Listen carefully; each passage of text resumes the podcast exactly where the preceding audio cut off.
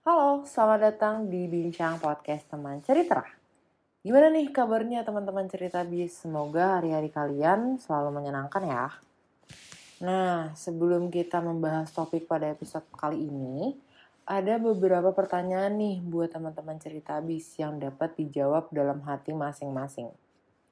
Pernah nggak sih teman-teman merasa bersalah saat sedang kurang produktif atau saat mengambil waktu untuk beristirahat sejenak? Jika pernah, maka seberapa sering?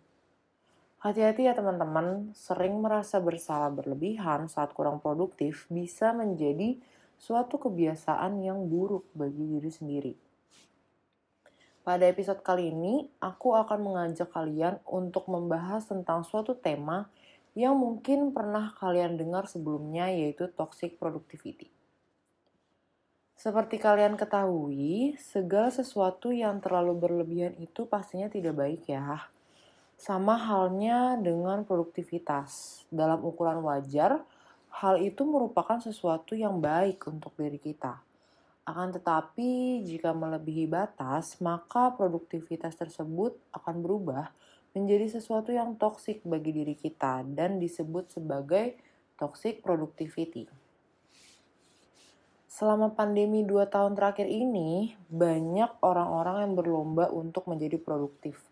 Karena kemudahan untuk mengakses berbagai kegiatan maupun pekerjaan, tak jarang juga sering kali kita merasa tertinggal dengan orang lain dan akhirnya kita bekerja dari pagi hingga malam tanpa memperhatikan batas kemampuan yang kita miliki hanya demi mengikuti tingkat produktivitas orang lain bukannya memperoleh hasil yang baik, hal ini justru membuat kita rentan merasa burnout dan tertekan karena terus-menerus memaksakan diri. Mungkin teman-teman cerita bis penasaran, sebenarnya apa sih toxic productivity itu? Apakah hanya berkaitan dengan bekerja berlebihan saja atau ciri-ciri lainnya? Jawabannya ada teman-teman saat kita sudah terjebak dalam toxic productivity, mungkin orang-orang di sekitar kita seperti keluarga, teman mulai mengeluh karena rasanya kita susah banget untuk meluangkan waktu untuk mereka.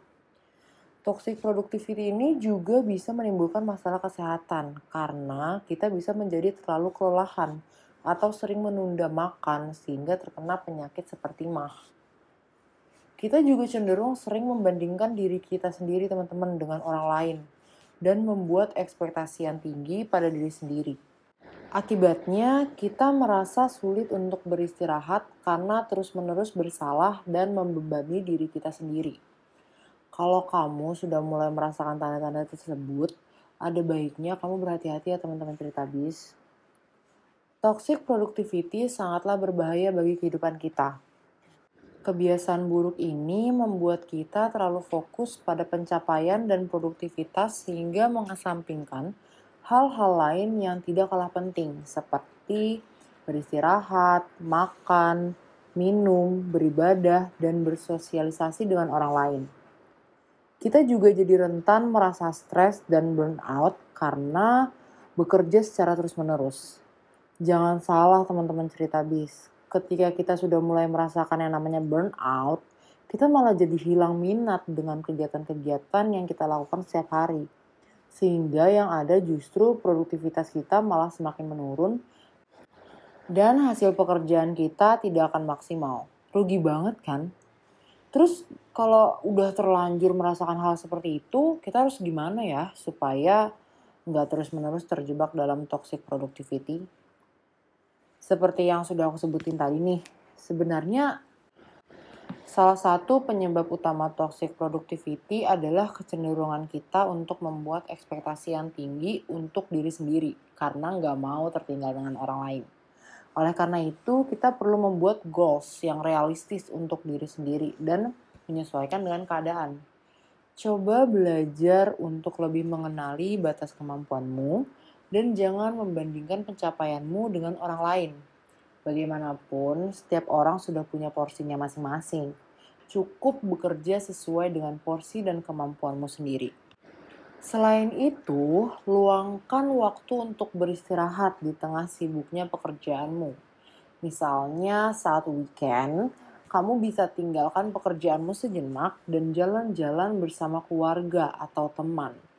Atau setelah seharian belajar dan beraktivitas, kamu bisa self-reward di malam hari dan melakukan hobi yang kamu suka atau nonton series kesukaanmu. Kalau kamu merasa bersalah saat meluangkan waktu untuk beristirahat dan merasa ini hanya membuang waktumu, kamu salah besar loh. Beristirahat juga suatu bentuk produktivitas. Coba dipikirin, kalau kamu kekurangan waktu istirahat, kamu malah jadi nggak maksimal dalam menjalankan pekerjaanmu dan malah jadi nggak produktif.